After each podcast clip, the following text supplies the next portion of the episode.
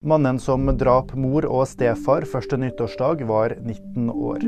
Det skjedde i Sørfold i Nordland. Tenåringen er også sikta for drapsforsøk på sin 11 år gamle halvsøster. Han tok også sitt eget liv. Politiet forteller at det var ei søster på 16 år som meldte ifra til politiet. Snøen skaper fremdeles utfordringer på Sør- og Østlandet. I Arendal og Tvedestrand blir skoler stengt onsdag. Risør stenger både barnehager og skoler. Meteorologene har forlenga det oransje farevarselet for snø til onsdag. De anbefaler folk å holde seg hjemme. Fem av seks besetningsmedlemmer i den japanske kystvakta er døde. Det melder kringkasteren NHK. Et passasjerfly og flyet til kystvakta kolliderte i dag på Haneda-flyplassen i Tokyo. Alle i passasjerflyet ble evakuert. Og flere nyheter finner du alltid på VG.